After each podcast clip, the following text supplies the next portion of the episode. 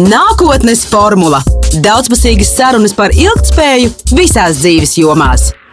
Sveiciens visiem Eiropas hītu radio un EHR superhīts klausītājiem, kā arī tiem, kas mūsu skatās video ierakstā vai klausās podkāstā. Mani sauc Elizabete, un šodien mums radio ir tādi svētki un satraucoša diena, jo gaisā iet jauns raidījums nākotnes formula. Līdz pat novembra beigām mēs katru nedēļu jaunajā EHR studijā tiksimies ar iedvesmojošiem, un kompetentiem un zinošiem ekspertiem un studijas viesiem un runāsim par ilgspēju.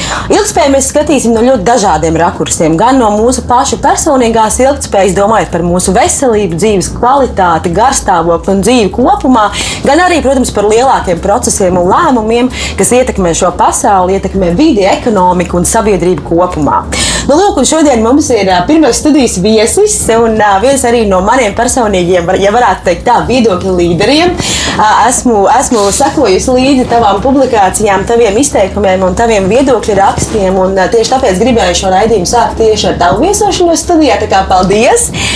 Jā, Nikita Bezborodovs, psihiatrs un Rīgas Tadiņu universitātes docētājs.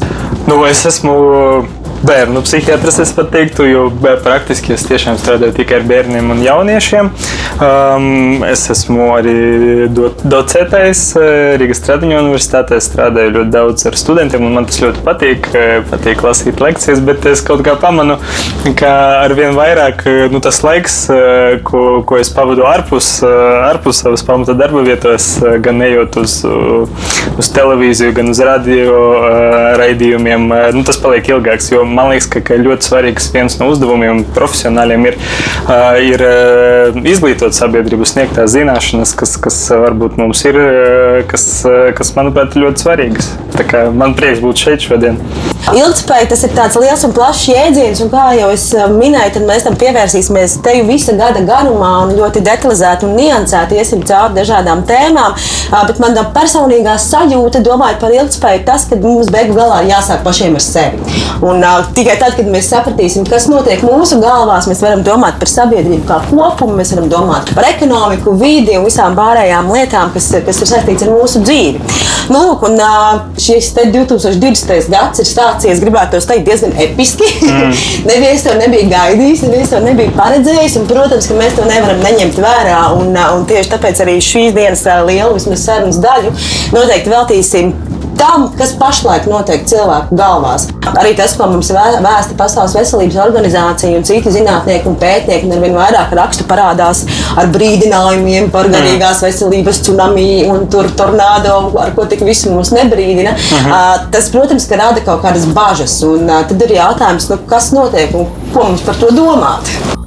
Nu, šis ir ļoti interesants jautājums un eh, tiešām aktuāls. Eh, īsa atbilde uz šo jautājumu ir, ka mēs nezinām. Un, eh, tā ir tā interesanta lieta, jo tiešām šī situācija ar Covid un to globālo pandēmiju un to reakciju, kas ir sabiedrībā, nu, gluži tāda iepriekš nav piedzīvota. Protams, ka pandēmijas ir bijušas, bet, bet tā sabiedrība bija citādāka un attiecīgi arī, arī tās sekas. Bet problēma tāda, ka Zinātnes cikls ir lēns, un, lai mēs varētu runāt, nu, tiešām kā mums patīk, zinātnē, pierādījumos balstīti, tad mums vajadzīgi dati. Un to datu pagaidām, diemžēl, nav. Protams, ka mēs kaut ko varam teikt. Ja mums ir iepriekšēja pieredze, un mēs zinām, ka ka ir vairāki faktori, kas, kas pavisam noteikti ietekmē cilvēka psihisko veselību. Un uh, Covid pandēmijas kontekstā um, nu, ja runāt par praksi, ja, jo nu, tiešām tas, uz ko es varu balstīties, dotajā brīdī, jo datu nav, tad tā ir tā, tie novērojumi, kas, kas ir ikdienā. Skaidrs, ka tā ir krīze. Un, krīze, nu, tas ir tāds interesants fenomens. Tad, tas nevienmēr ir slikti. Ja, jo pēc būtības mums visiem, mums evolūcionāri ir tādas stresa, stresa regulācijas sistēmas. Mēs esam gatavi kaut kādā veidā pārvarēt grūtības un stresu. Bet, problēma ir tāda, ka, ka atkal visā mūsu iepriekšējā attīstības procesa, evolūcija, mūsu stresa atbildes sistēmas, tas ir uzasinātas uz tādiem īslaicīgiem un intensīviem stresoriem. Jā, tad tas intensīvais stresors iedarbojas, nezinu, tur lauva izlaiž no krūmiem, nu, tad adrenalīns ceļās, mēs gatavojamies cīnīties vai bēgt, kaut kā tikt galā ar to stresu. Un tad runājot par to, kā mēs to redzam ikdienas praksē, kad sākās šī pandēmija un nu, visi izolācijas pasākumi, tad es teiktu, ka tad pacientu skaits vai cilvēku skaits, kas vēršas pēc palīdzības, piemēram, pie psihiatra tas ir samazinājies. Jā, tad eh, cilvēkiem kaut kādi resursi ir mobilizējušies, un tad eh, nu, varētu teikt, ka, ka, ka nu, eh, kad ir apdraudēta fiziskā eksistence, tad, tad varbūt tās um, psihiskās lietas aiziet otrajā plānā. Bet problēma ir tāda, ka kad, stresa, kad stresors pastāv ilglaicīgi, jā, kad tas nepazūd, jā, un tas, kas visvairāk raisa trauksmi un izsmeļ tos resursus, tā ir neziņa.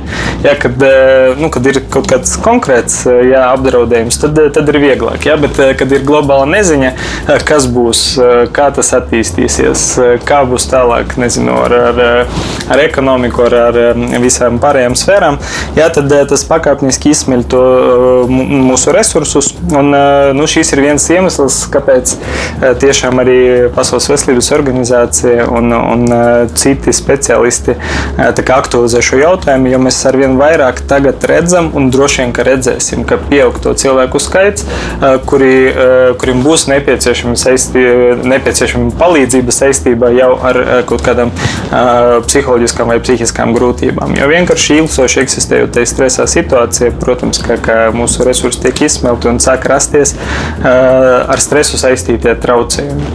Jā, un otra globāla problēma, protams, ka, ka mēs esam Mēs esam sociālas būtnes, mēs eksistējam sociālajā vidē.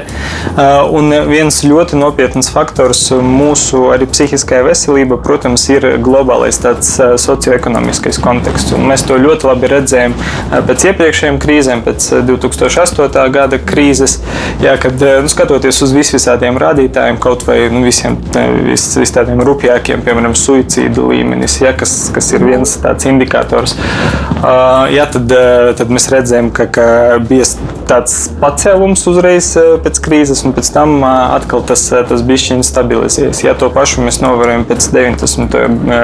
90. gadu pārmaiņu laikā, ja, kad suicīda līmenis kritās un tad strauji, strauji pieauga. Ja, kā, um, tas, kas satrauc visvairāk, kādas būs uh, ekonomiskas sekas. Ja, jo, protams, ka, ka nabadzība, nevienlīdzība tie ir tie galvenie riska faktori vis, visdažādākajiem psihiskiem traucējumiem. Un, ja viena no sekām šai krīzei būs nu, tiešām nozīmīgas ekonomiskas sekas, tas ir vēl viens faktors, kas liek domāt, ka, ka nu, droši vien ka darba mums būs vairāk. Kas ir tās lietas, kas ir tās ikdienišķās lietas? Kā jūs to saucat savā terminoloģijā, un kas ir tas, ar ko cilvēks saskaras? Nu, ja mēs runājam par to, kāda veida grūtības ir visvairāk izplatītas un sastopamas sabiedrībā, tad nu, to sauc par ar plaši izplatītiem psihiskiem traucējumiem, common mental disorders, angļuiski. Uh, un uh, tā ir trauksme un depresija. Jā, jo, ja mēs skatāmies uz, uz izplatību, arī Latvijā tādi pētījumi ir veikti, bija valsts pētījuma programma. Uh, mēs zinām, ka kaut kur ap 8% cilvēku saskarās ar, ar depresiju, un tie dzīves rādītāji ir pat, pat augstākie. Ja? Pēc dažiem pētījumiem līdz pat nu, kaut kādiem 25, 30% cilvēku dzīves laikā viņam būs nopietni, tik nopietni garstāvokļi vai trauksmes spektra traucējumi, ka viņam būs nepieciešama kaut kāda veida palīdzība. Jā, šīs ir ļoti izplatītas lietas, un šeit atkal ir jāsaprot, ka Kad mēs runājam par psihiskiem traucējumiem, nu, mēs jau nerunājam par kaut kādām atsevišķām slimībām. Ja, tad, tas, par ko mēs runājam, mēs runājam par, par dažādiem mūsu nu, psihiskās funkcionēšanas veidiem vai, vai nezinu, dažādām pazīmēm, kas visiem mums ir, visiem mums piemīt kaut kādā mērā. Trauksme ir ļoti laba lieta. Ja, trauksme ir ļoti vajadzīga, tā ir veselīga reakcija evolūcionāri veidojusies, lai pasargātu eh, mūs no, uh, no apdraudējuma. Ja nebūtu trauksmes, mūsu sen apēstu tas tīģeris, kas izlaiž no krūmiem. Jā, problēma ir tāda, ka dažādu faktoru rezultātā, un tie var būt eh, gan, gan bioloģiskie faktori, bet, protams, ļoti daudz arī psiholoģisko un sociālo faktoru. Ja vienmēr tā ir kompleksa biopsihosociāla lieta. Ir daži cilvēki, kuriem šī pazīme ir vairāk izteikta. Viņiem ir vairāk trauksmes, viņi rēģē ar trauksmi arī uz mazākiem apdraudējumiem. Jā, tad mēs runājam, ka, ka ir trauksmē cilvēks. Jā. Un tad ir cilvēki, kuriem ir vēl vairāk. un tik tālu, ka tas kaut kādā veidā sāk traucēt dzīvi, tad mēs sākam runāt par to normālu pazīmi, kā par kaut kādiem jau traucējumiem. Tas pats attiecās uz garas stāvokli. Visiem ir garas stāvoklis, man ir garas stāvoklis, tev ir garas stāvoklis, dažreiz labs, dažreiz slikts. Ir cilvēki, kas uz tā garas stāvokļa spektra atrodas tālāk no tās viduslīnijas, kuriem ir vairāk garas stāvokļa, un tajā ekstremālajā galā būs tas, ko mēs saucam par depresiju. Ja, kā, paņemot jebkuru to diagnozi, ar ko mēs operējam, jāsaprot, ka, ka tas ir patiesībā vienkārši funkcionēšanas spektrs, un tad diagnoze ir tas, ar ko mēs apzīmējam nu, tikai kaut kādu daļu, ja, to daļu, kas, kas ir saistīta ar funkcionēšanas grūtībām. Un tas ir tas kritiskais moments. Ja kaut kas eh, traucē spēju ikdienā funkcionēt, tad eh, nu, droši vien tas ir kaut kas, ar ko varbūt ir vajadzīga palīdzība. Vai tas attiecas teiksim, tā, tikai uz nezinu, pieaugušiem cilvēkiem, varbūt pat senioriem, vai tas ir kaut kas tāds, kas aug līdzi mūsu vecumam, un šis risks palielinās, vai tas ir kaut kas tāds, kas var attiekties arī uz ļoti jauniem cilvēkiem? Nē, nu, protams, ka, ka mēs jau attīstāmies, un, un um, tas viss notiek pakāpeniski. Skaidrs, ka tādas psihiskās veselības, dažāda veida grūtības, viņas ir visos vecumos. Daž, nedaudz atšķirās varbūt tas grūtību raksturs, jo tas ir raksturīgs nu, tam attīstības posmam. Kad mēs runājam par maziem bērniem, tas, ar ko mēs visvairāk saskaramies, tie ir dažāda veida attīstības traucējumi. Jā, attīstības grūtības, intelekta attīstības traucējumi, sociālas komunikācijas spēju attīstības traucējumi. Mēs saucam to par autisko spektru, valodas, citu funkciju, attīst, psihisko funkciju attīstības traucējumi. Jā, tad ejot tālāk, tuvojoties pirmskolas vecumam, Un, protams, tas viss turpinās, bet uh, aktuālāk kļūst arī dažādi emociju un uzvedības uh, grūtības, uh, kur, protams, ļoti nozīmīgs faktors ir arī ģimenes sistēma un ģimenes sistēmas funkcionēšana, jo bērns ir integrāla daļa no, no ģimenes sistēmas. Tad sākas pubertāte. Pubertātē notiek dažādas izmaiņas arī organismā, arī smadzeņu nobriešanā. Un sākot ar, ar pusauģu vecumu, sāk parādīties arī visi nu, tādi klasiskie pieaugušā vecumā psihiskie traucējumi. Jā, tāpat depresija. Mēs zinām, ka piemēram maziem bērniem depresija ir ļoti reti izplatīta, nu, salīdzinoši ap 2%. Tiklīdz sākas pubertāte, depresijas izplatība uzlec uz, ja pat nebišķiņ pārlec pieaugušo rādītājus uz 8-10%. Ja? Uh, un tad uh, nu, jaunajā vecumā sākas patiesībā lielākā daļa no, no psihisko traucējumu. 50% no visiem psihiskiem traucējumiem sākas cilvēkam vecumā līdz 15 gadiem, un 75% uh, sākas vecumā līdz 25 gadiem. Un tā ir tā viena no lielām problēmām tieši ar psihiskiem traucējumiem. Tās ir lietas, kas sākas parasti diezgan agrīnā vecumā un var ļoti nozīmīgi traucēt cilvēka spēju nu, būt produktīvam. Ja? Sabiedrība un var izraisīt ļoti nozīmīgas ciešanas, bet nu, cilvēki dzīvo ar to ilgu laiku. Ja, tad, ja mēs skatāmies uz to nu, uz dažādiem veselības traucējumiem, arī fizisko veselību, tad patiesībā psihiskie traucējumi pašlaik iziet uz pirmajām rindiņām pēc zaudētiem dzīves gadiem. Jā, kādreiz nu, tur tas bija infekciju slimības, citas nu, pēc tam 20. gadsimta kardiovaskulārās slimības, jā, bet tagad arvien vairāk man liekas, ka depresija jau ir pirmajā vietā un tie pirmie desmitnieki, vismaz man liekas, ka septiņi ir, ir psihiskie traucējumi. Jā, Tas ir pieaugušo vecums, un tad, protams, nākamais dzīves posms ir jau tādi pavisam brieduma gadi, seniora vecums. Un tad sākas tie, tās grūtības, kas ir saistītas ar, ar smadzeņu jau involūcijas vai, vai, vai deģenerācijas procesu, tad demence, vecuma plānprātība, Alzheimera slimība. Ja tas ir tas, ko bērnu psihiatrijas klinika, mēs to neredzam. Vispār ar to mēs strādājam, bet nu, tās, tās vecuma problēmas. Uh, to, to mēs neredzam. Uh, tā arī ir ļoti liela problēma uh, tādā ziņā, ka sabiedrība noveco. Nu, visas pārējās orgānu sistēmas ir diezgan vienkāršas. Nu, sirds ir diezgan vienkāršs orgāns, tas ir pumpis, ja tas pumpē asinis. Mēs ļoti labi saprotam sirdi, mēs varam mehānisku sirdi uzkonstruēt, mēs esam iemācījuši, mēs varam transplantēt sirdi, mēs varam droši vien drīz no cilmes šūnām izaudzināt jaunu. Ja smadzenes ir pa kārtu, ja ne pa vairākām kārtām sarežģītāks orgāns, un mūsu izpratne par smadzenēm ir sliktāka. Jā, līdz ar to mūsu iespēja arī kaut, ko, kaut kā ietekmēt smadzeņu funkcionēšanu ir ierobežotāka. Un tad nu, pašlaik veselības aprūpe ir gājusi uz priekšu.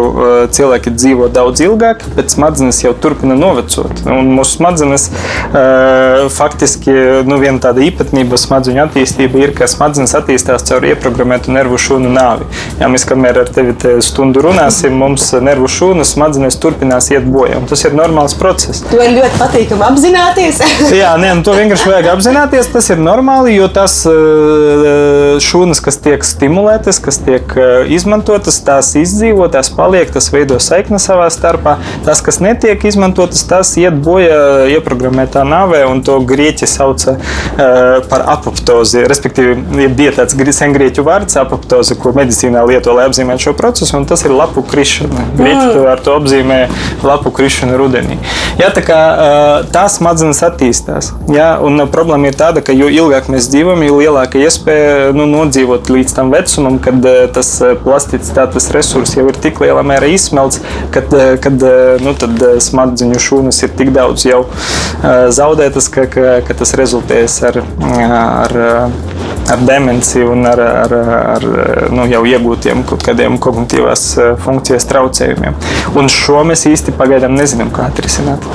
Un, tas nozīmē, ka jo ilgāk vidējs cilvēks dzīvos, nu, nerisinot, nenodarbojoties ar prevenciju, jo vairāk mēs varēsim redzēt, ka, ka būs seniori, kuriem būs nepieciešama palīdzība un aprūpe tieši saistībā ar, ar šīm problēmām.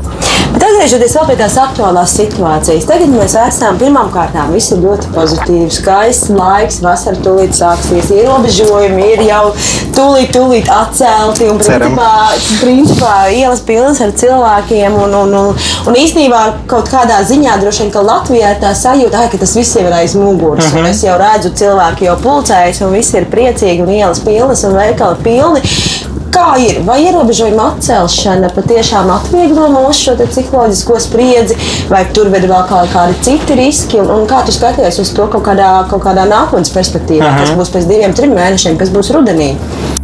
Nu, Tas ir jautājums droši vien infektuologam drīzāk un epidemiologam. Es uh, tur droši vien nelīdīšu. Uh, tas, kas atvieglo pašsajūtu globāli, tā ir kaut kāda skaidrība. Un uh, varbūt uh, nu, ne tikai to, to ierobežojumu atcelšana, kas, kas arī ir ļoti palīdzoši, jo mēs uh, tiešām esam sociāli dzīvnieki, mēs neesam uh, veidoti evolucionāri uh, izolētai funkcionēšanai, vientulībai. Jā, un, uh, un fantastiski, ka mums ir tehnoloģijas attīstījušas līdz tādam līmenim, kas, ka, ka, ka tas ļauj kaut kādu komunikāciju saglabāt, bet pagaidām vēl tas nespēja pilnvērtīgi aizstāt to, to, to sociālo komunikāciju ķermeniskumu. Ja? Tas ir ļoti svarīgi un, un protams, ka labi, ka, ka pamazām izskatās, ka mēs varam arī uh, atcelt tos ierobežojumus. Uh, bet uh, tas, kas mazina to trauksmi, ir, ka, ka ir kaut kāds plāns, ka ir nu, zināms, ka, ka ot, ka kaut kas būs. Būs tagad, tur nezinu, vairāk atļauts, ja, ka, ka, ir, ka nav tās neskaidrības. Jo tas, kas visvairāk, protams, ka, ka ceļ trauksmes, jo man liekas, ka to pateicu, ir, ir tā neskaidrība. Un runājot par to pašu rudeni, mēs jau nezinām, kas tur īsti būs. Nu, tā, tās jā, trajektorijas var būt dažādas. Ja, mums ir jāprognozē iespējami varianti, un nu, droši vien, ka pamazām ir jāpārkārtojas tomēr uz bišķiņu citādāku režīmu, bet atkal, kad tas šīs režīms, nezinu, tāpat ir roku mazgāšana, kad tas iet, iet rutīnā, kad tas kļūst par tādu rituālu, tad atkal tas ir ok, tas vairs neizsauc tādu satraukumu mums. Ja? Sākumā redzot uz ielām cilvēkus visus maskās, nu, tad tas rada tādu ļoti neumalīgu sajūtu.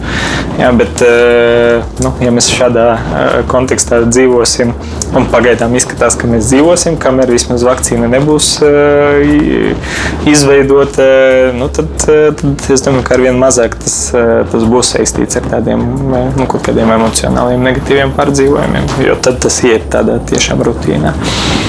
Kā šo situāciju maina tas, ka mēs nu, tiešām nu, visā globusā esam saka, vienā laivā? Uh mhm. -huh. Vai tas tīri individuāli man palīdz justies labāk, vai man tas iedod kaut kādu drošības sajūtu, vai tas ir vēl papildus spiediens, kas tiek uzlikts virsū katra psihiskajai veselībai? Uh -huh. uh, nezinu.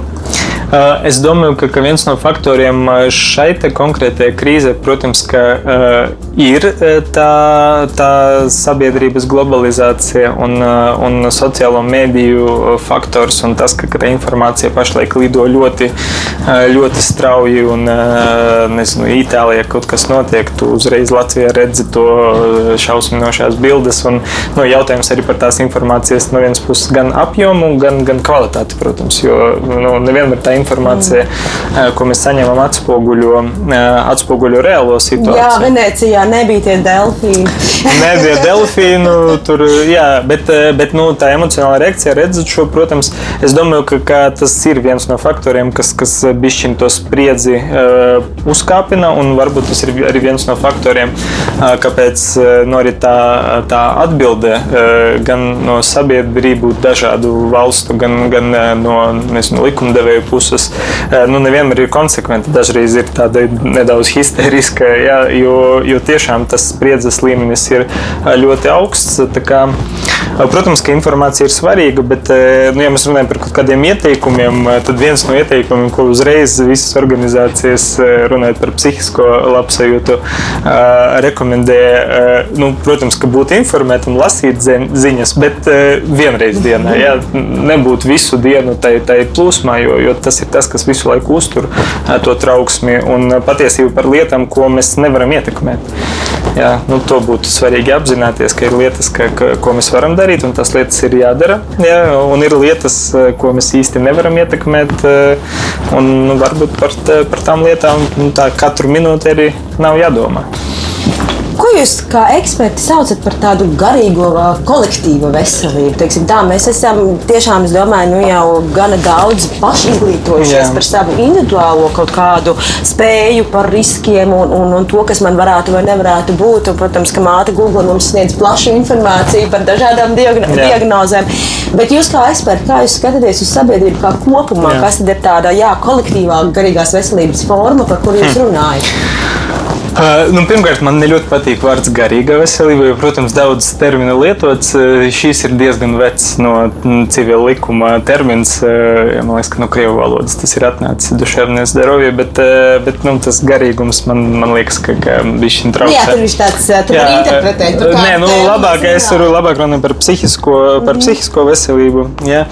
Uh, un runājot par veselību vispār, viens, ko ir ļoti svarīgi saprast, ir, ka Veselība nav tad, kad nav slimības. Ja? Veselība tā ir faktiski tāda bioloģiska, psiholoģiska un sociāla labklājība.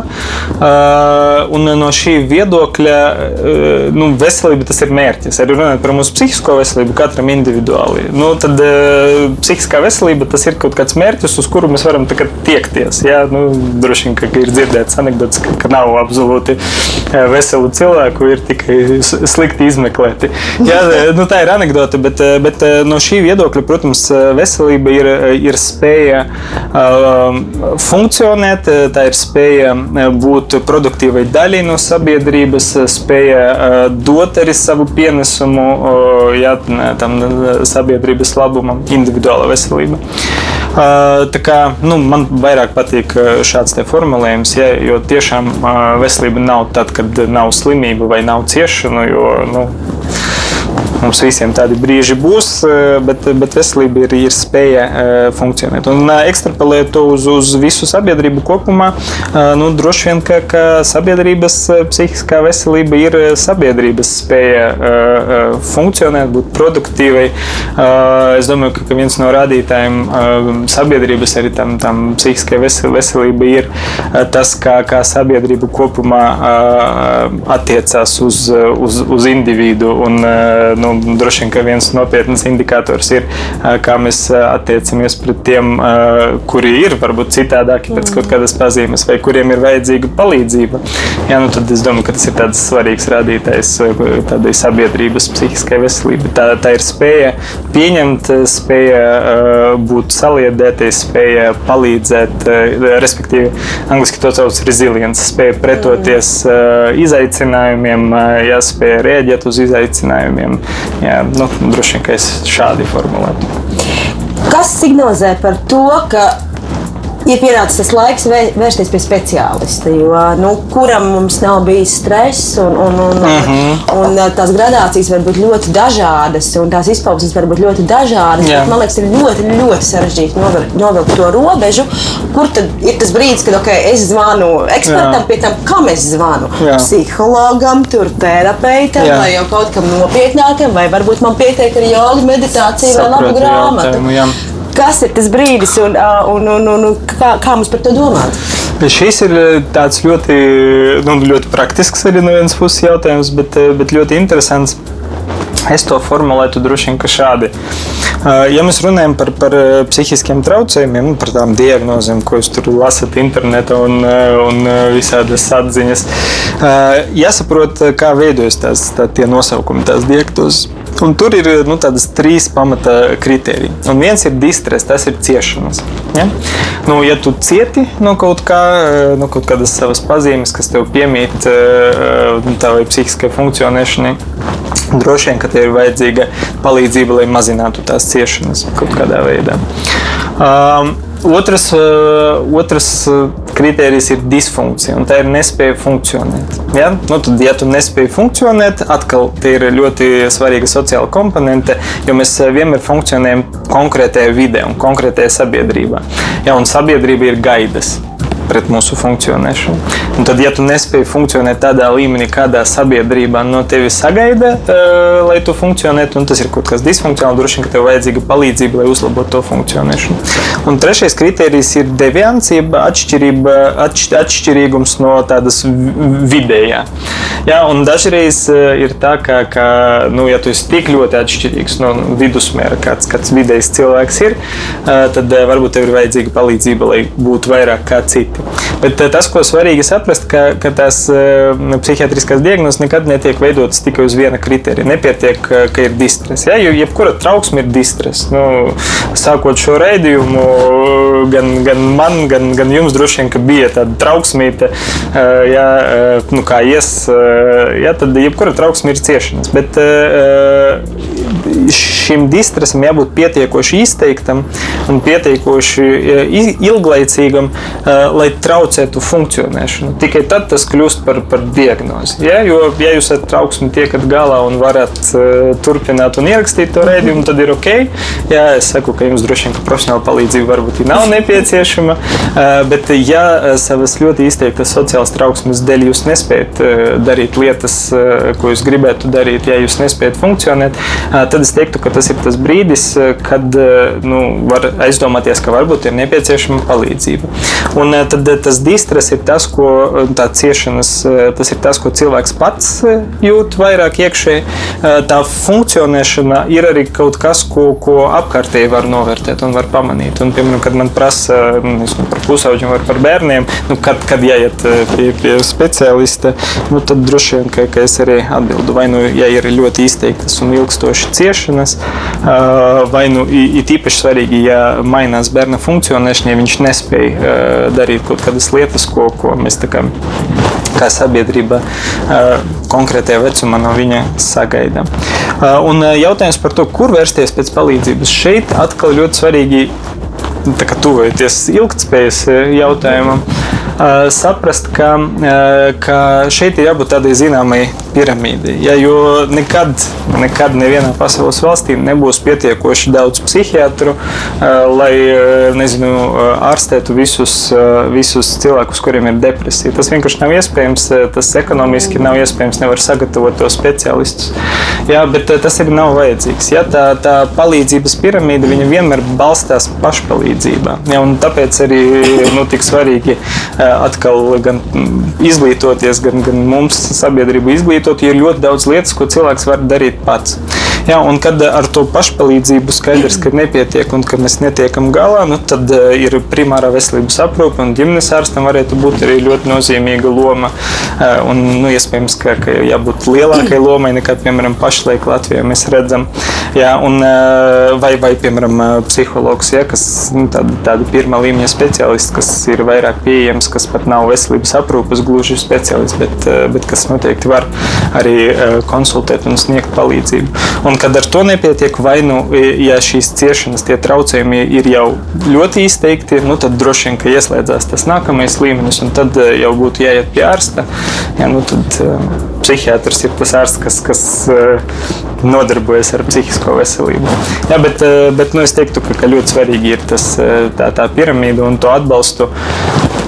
Vienmēr svarīgi sākumā meklēt nu, tur, kur tā palīdzība un atbalsts ir pieejama. Un, ja ir ļoti svarīgi, ka ir kaut kāds atbalsta tīkls, draugi, ģimene, nu, tad nu, no daudzām problēmām, ar daudzām problēmām tas var palīdzēt.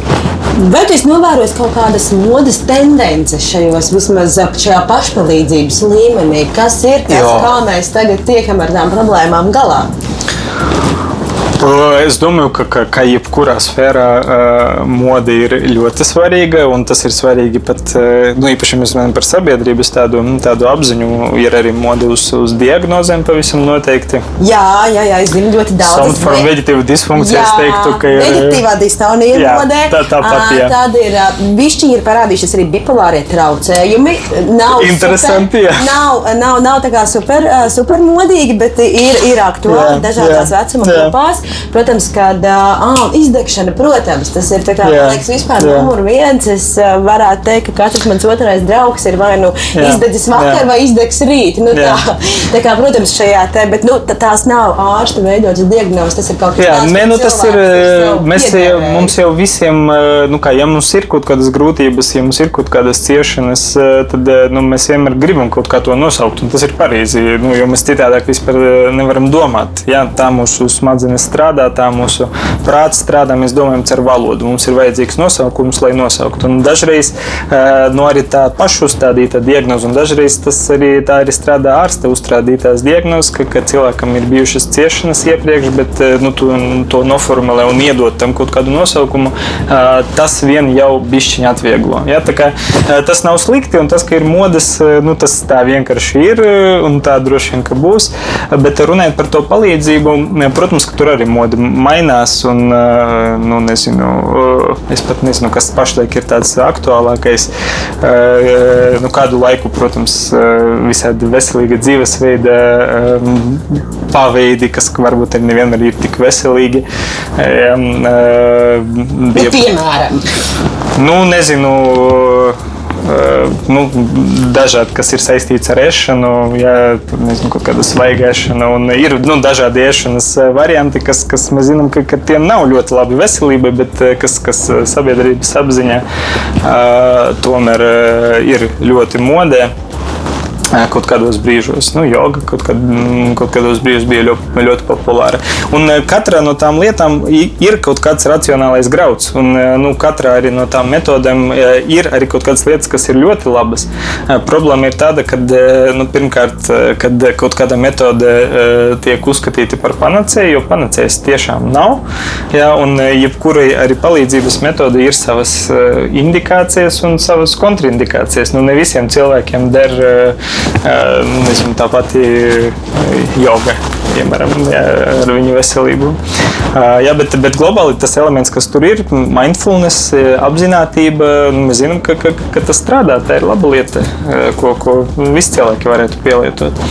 Jā, nu, kā, es domāju, ka, ka ir ļoti daudz vērtīgāk, ko mēs arī no tām modes tendencēm varam paņemt, bet, lai, lai to vērtīgo paņemtu, jābūt kaut kādam kritiskam tomēr attieksmei. Jā, nu, jāvērtē kritiski. Mm -hmm.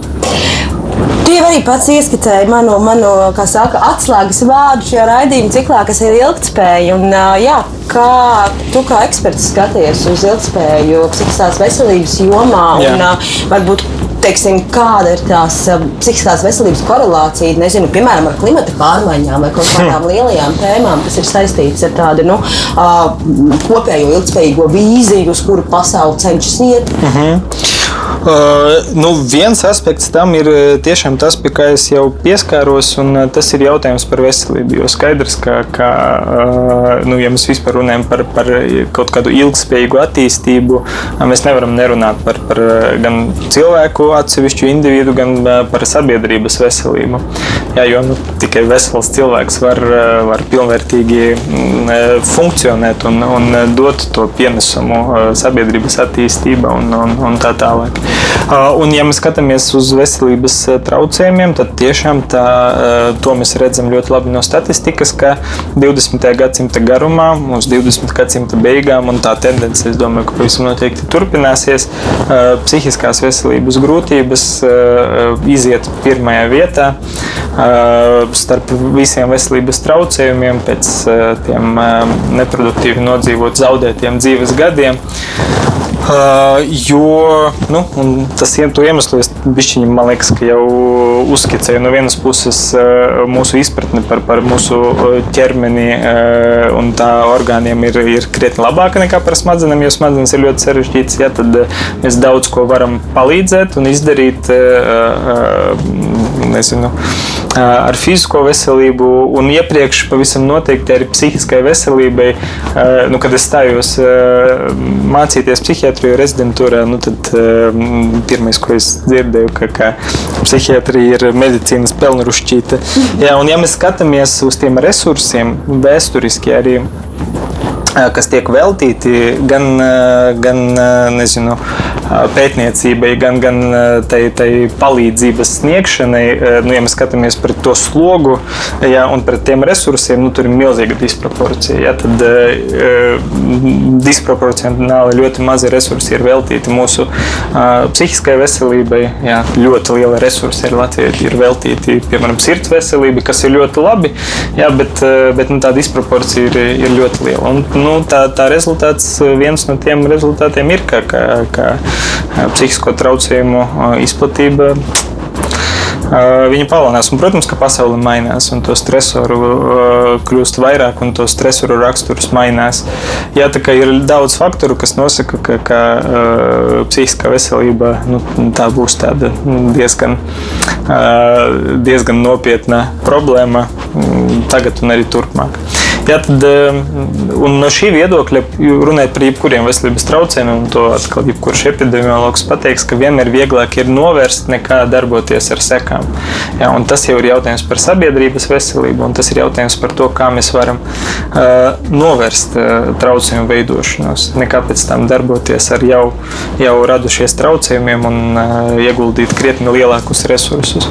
Un uh, runājot par, par to prevenciju, par novēršanu, ka, kas ir tādas ilgspējīgas ilgspējīgas eh, gan veselības aprūpas sistēmas, gan vispār veselības eh, pamatā, tad eh, runājot par psihisko veselību, šeit ir jāatcerās tiešām par to, kā mūsu smadzenes attīstās. Jā, un mūsu smadzenes attīstās caur to mm, pakāpenisku ieprogrammētu nervu šūnu nāvi. Un šīs ir iemesls tam, kāpēc, nu, piemēram, bērnu psihiatrijā par jebkuriem traucējumiem mēs varam runāt. Viens no tādām panākumā, viena no atslēgām vienmēr ir agrīnā intervence. Respektīvi, jo agrīnāk mēs atpazīstam, ka ir kaut kādas grūtības, labi, varbūt pat pirms tās grūtības ir sākušās, jo labāk ir mūsu iespēja palīdzēt. Jo plastiskākas ir smadzenes, jo vairāk bērnu smadzenes vēl ir spējīgas mainīt, mainīties nu, vidas ietekmē. Un viens no es teiktu, manuprāt, vislielākām vispār sabiedrības veselības problēmām arī ilgspējīgas attīstības kontekstā, par ko diemžēl ļoti maz runā. Tas ir tās agrīnās negatīvas pārdzīvotas dzīves pieredzes. Ir ļoti lieli pētījumi, bijuši ilgtermiņa pētījumi, kas sekojuši lielām cilvēku grupām ļoti ilgu laiku. Un tas, kas no tiem pētījumiem parādās, ka viens no galvenajiem riska faktoriem, kas palielina risku uz visu, ko uz dažādu veidu psihiskiem traucējumiem, pieaugušo vecumā, arī uz fiziskās veselības traucējumiem, to pašu sirds pēc asinsvadu slimībām, nezinu, insultu, vienalga. Jā, tad viens no ļoti svarīgiem riska faktoriem ir agrīnās negatīvas pieredzes, vardarbība, vardarbības pieredze, fiziska, emocionāla, seksuāla vardarbība pret bērnu, atstāšana novārtā, nevērība, kas nu, pēc tām sekām, ko tā izraisa, ir vēl pat smagāka nekā tiešā vardarbība brīžiem. Jā, tā kā fiziskā vai emocionāla nevērība, dažāda veida ģimenes disfunkcijas. Jā. To sauc angļuiski par ACE. Adverse Childhood Experiences. Un, nu, un mēs ļoti daudz runājam nezinu, par kardiovaskulārām slimībām, piemēram, par, par um, holesterīna jā, līmeni un profilaksi.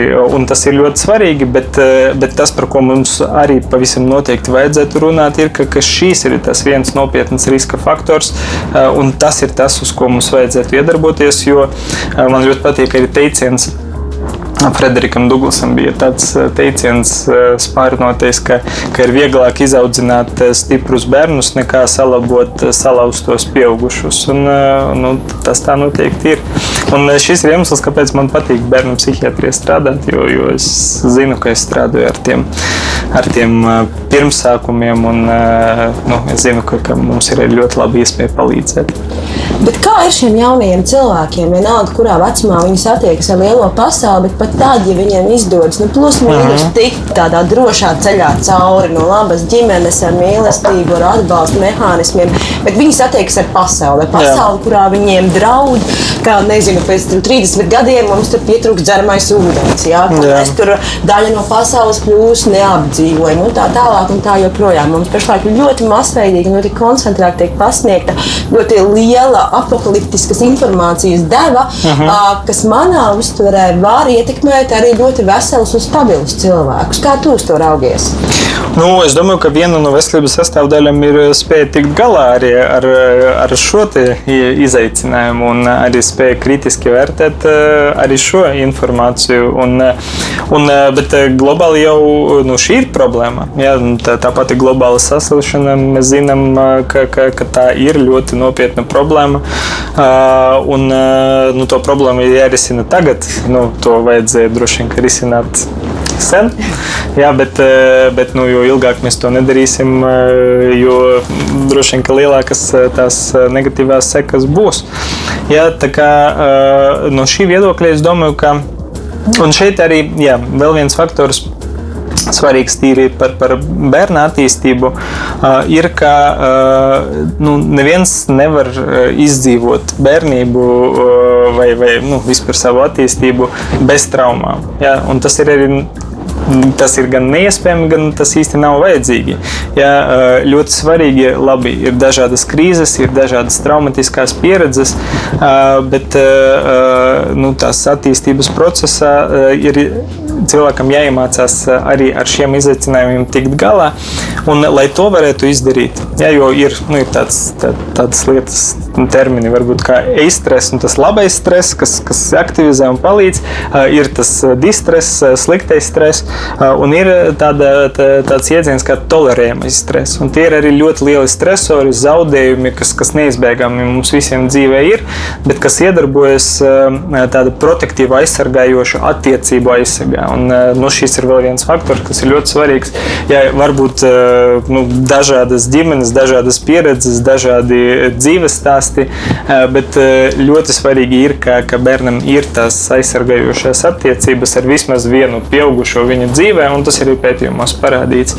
Ja, ka, ka ir, ja ir vismaz viens pieaugušais tavā dzīvē, kas par tevi rūpējas, un nevienmēr tie būs vecāki, eh, diemžēl, ja dažreiz eh, tas varbūt arī nezinu, vecvecāks vai, vai, vai tante vai onkulis vai, vai skolotājs vai sporta treneris, bet eh, kas, kāds, kam tu tiešām uh, rūp, tad uh, tas ir tas, kas pasargā un palīdz tikt galā arī ar diezgan lieliem stresoriem un veido arī nu, tādu pretošanas spēju. Angliski to sauc par resilience. Ja? Nav īsti labi latviešu, tulko, mm -hmm. labi latviešu tulkojuma. Man neizdevās atrast, mm -hmm. ja, bet, bet nu, tas ir ļoti svarīgs koncepts. Jo ir, ir, protams, dažādi riska faktori, bet no otras puses ir arī tās lietas, kas mūs pasargā. Un tās, uh, protektīvās attiecības, ja piesaiste ar primāro aprūpētāju ir tās lietas, kas absolūti noteikti pasargā un dod cilvēkam spēju tikt galā ar visādiem izaicinājumiem. Runājot par uh, psihiskās veselības, varbūt tādiem higiēnas jautājumiem, man uh, tas varbūt nav vārds, ko jūs izmantojat profesionālā terminoloģijā, uh. -huh. bet man viņš patīk tā, ka viņš ļoti labi raksturo kaut kādas ikdienas, ir, uh, ikdienas rutīnas paradumus, uh. -huh. kas ir mūsu, nu jau, kā saka, rutīna mazgāt rokas un, -huh. un, un divi metri un vēl visas pārējās rutīnas, kas mums jau ir un kam būtu jābūt tādam pašsaprotamam. Tāpat kā mēs no rīta ejam dušā un mazgājam zobus, kas būtu tā psihiskās veselības higiēna, uh -huh. ko tu varētu rekomendēt? Es domāju, ka, ka lielā mērā tas pārklājas arī ar mūsu fizisko veselību. Un, ja mēs runājam par veselīgu dzīvesveidu, nu, tas darbojas ne tikai uz ķermeni, bet arī uz prātu. Jā, jo atkal tas, kas ir jāsaprot, ka mūsu prāts tas neeksistē kaut kur atrauti. Ja? Tad mūsu prāts dzīvo tajā pašā ķermenī. Mēs esam iemiesotas būtnes, un tas ir ļoti svarīgi. Ja? Tā kā, nu, nu, sākot ar vienkāršākām lietām, nezinu, miega higiēna. Jā, miegs ir ļoti svarīgs, lai, lai mūsu smadzenes vispār varētu atjaunoties un attīrīties. Ja tur visu laiku sabrūk šūnas, mm -hmm. un nu, kādreiz vispār šķita, ka anatomija, nu, kā zinātne, vispār ir, nu, sen jau visi atklājumi ir izdarīti, nu, ko tur vēl var atrast, bet netik sen pētnieki arī atklāja jaunu anatomisku struktūru smadzenēs un to nosauc par glimfatisko sistēmu.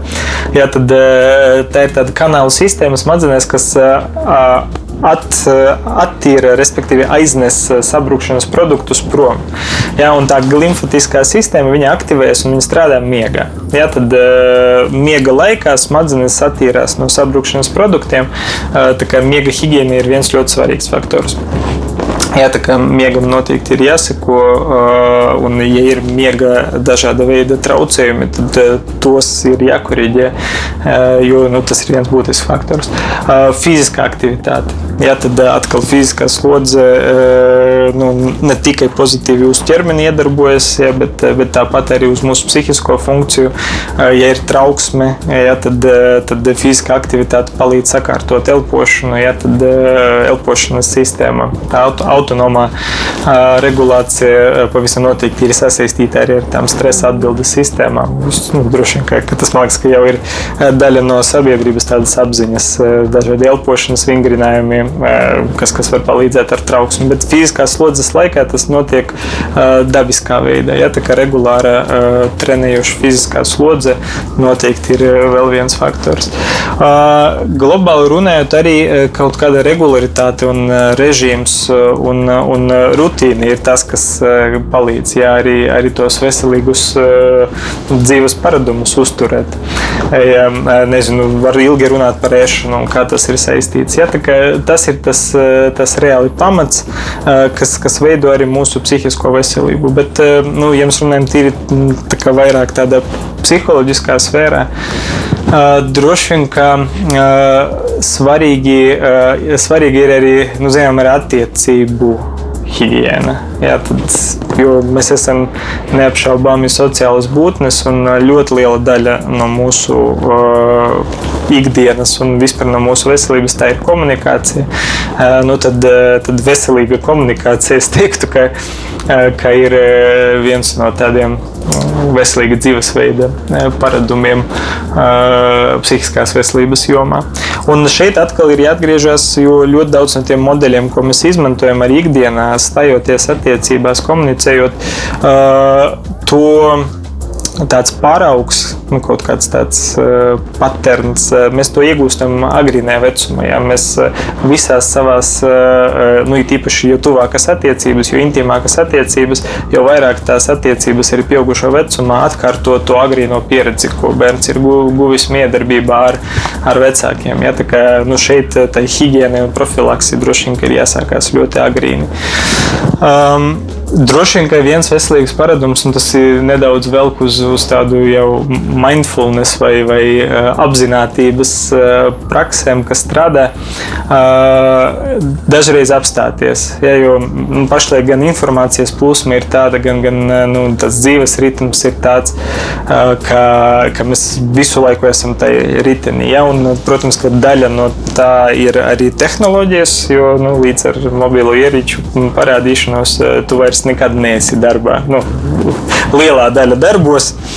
Jā, īpaši, kas ir saistīti ar intelektuālu kaut kādu, nu, tad tu nekad neesi atslēgts. Ja? Bet, bet nu, tas nav ļoti veselīgi. Ja? Tad svarīgi nu, arī droši vien izveidot tādu paradumu, ka, ka ir kaut kāds brīdis dienas laikā, kad tu vari apstāties un vienkārši nu, pāris minūtes padomāt par to, kā, kā es tagad jūtos.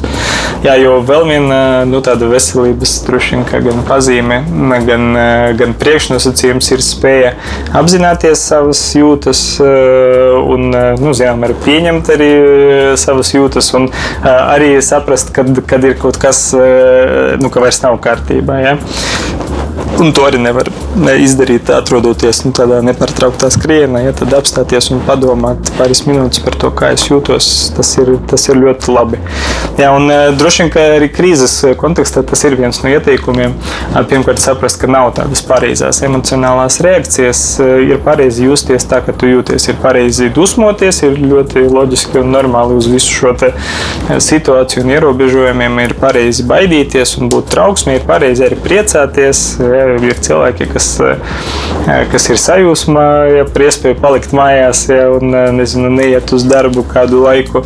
Eh, bet, nu, ja mēs neapzināmies un nepieņemam tās jūtas, nu, ļoti ātri, nezinu, tu patiesībā esi sajūsmā, bet, bet nu, ir visādi sociālie stereotipi, gaidas, nu, tad tev ļoti ātri rodas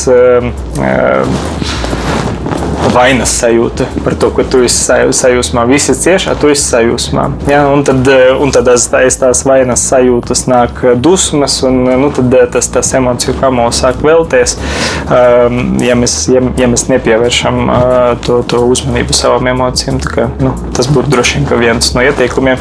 Un apziņotības praktikas droši vien, ka, ka nu, tas ir viens no veidiem, kā to var panākt, bet nav vienīgais. Kā tu pats tiec galā? Ar grūtībām. yes! es vēl mācos, pavisam noteikti, nu, kā es jau teicu, tev, uh, psihiskā veselība tas ir mērķis, uh, tas nav stāvoklis. Es uz to mērķi cenšos iet. Uh, nu, un ir brīži, pavisam noteikti, kad, kad tā profesionāla vajadzība var būt nepieciešama un ir nepieciešama un ir palīdzoša. Un nevienmēr jābūt uh, psihiskai slimībai. Nu, nezinu, runājot par sevi, es esmu pats kā pacients gājis pie psihoterapeita. Nu, daļai tāpēc, ka man šķiet, ka, ka vispār, ja tu strādā ar citiem cilvēkiem, īpaši mēģinot eh, viņam palīdzēt ar psihiskiem traucējumiem, tā pašterapijas pieredze ir obligāta. Viņa nav formāli Latvijā obligāta psihiatriem, viņa ir obligāta psihoterapeitiem, bet manuprāt, tas ir svarīgi. Es esmu gājis piecus gadus eh, un trīs ar pus no tiem gadiem četras nedēļā pie, pie psihoterapeita kur ir telpa, kur tu 40 minūtes te, tu esi spiests apstāties un, eh, un padomāt par sevi, par to, kā tu jūties. Jā, Tie veidi var būt dažādi. Dažreiz tā var būt profesionāla palīdzība, psihoterapija, psiholoģiskā palīdzība vai, vai psihiatriskā ārstēšana, kad tās grūtības ir lielas. Dažreiz arī medikamentozā terapija. Jā, bet, bet, protams, ka, ka, ka tam pamatam viņam ir jāveidojas no, no atbalsta tīkla, no atbalsta sistēmas, no ģimenes, no draugiem, no attiecībām. Tas ir fantastisks resurss. Jauki, mēs eh, tikām līdz tādai pozitīvai notī. Ar to arī mūsu raidījums ir pietuvojies izskaņai. Jūs klausījāties un skatījāties pirmo raidījumu no cikla Nākotnes formula.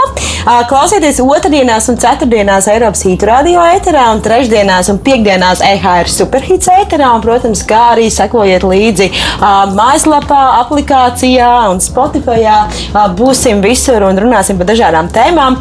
Ar jums studijā kopā biju es raidījuma vadītāja Elizabete un mans brīnišķīgais studijas viesis Nikita Bezborodovs. Paldies, tev liels! Paldies, un, Elizabete! Lai tev forša, forša diena un lai superīga vasara priekšā! Paldies! Raidījums tapis sadarbībā ar Nacionālo elektronisko plašsaziņas līdzekļu padomi sabiedriskā pasūtījuma ietvaros.